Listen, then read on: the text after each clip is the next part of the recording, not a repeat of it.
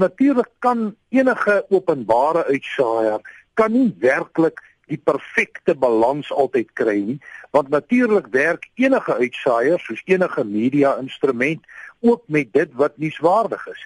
En ek het al baie keer vir politieke partye as hulle kla oor media blootstelling, bloot die vraag gevra, nou wat doen julle om in die media te kom. En uiteraard het jou regering dan 'n sekere voorsprong want die regering beheer die staat, hy beheer die instrumente van mag, hy kan 'n klomp goeders doen wat makliker homself onder die aandag bring.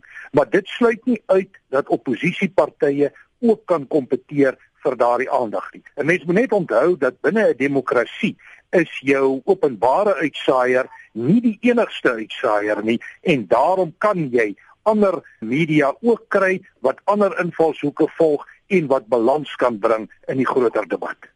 Jy praat van politieke partye wat dalk te min doen om media aandag te kry. Die vraag wat ek dan nou wil vra is, het 'n openbare uitsaar dan 'n verpligting teenoor alle politieke partye om ligtyd aan hulle te gee? Dis 'n relatiewe plig.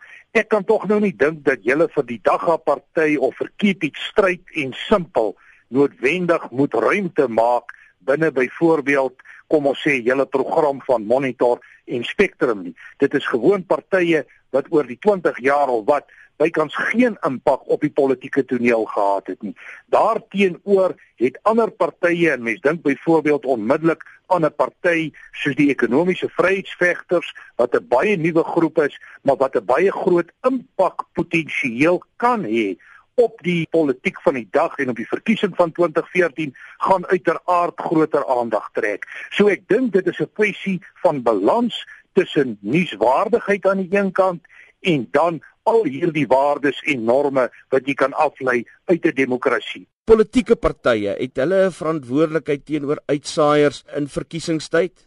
Wel, ek dink in 'n demokrasie het almal 'n verantwoordelikheid teenoor mekaar en ek dink partye het ook 'n bepaalde verantwoordelikheid teenoor die openbare uitsaaier soos wat die openbare uitsaaier 'n verantwoordelikheid het tot deelnemers aan die politieke proses.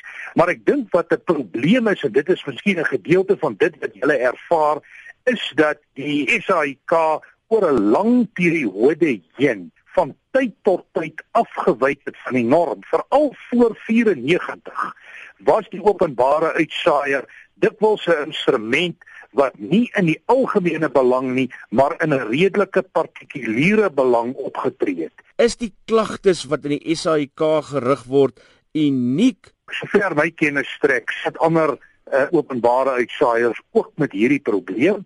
Dit hang natuurlik af hoe jy hierdie betrokke probleem bestuur. En ek moet sê ek het by verskeie nuuskommentators al die boodskap gekry dat die redaksionele sanksie wat op hulle toegepas word sterker is as in die verlede. En my eie ervaring is dat vir die eerste keer in dekades wat ek met uh, die openbare media skakel, het ek 'n tyd gelede 'n opdrag gekry om nie oor die ANC spesifiek iets te sê nie. En dit was 'n opdrag wat die persoon van hoër op ontvang het.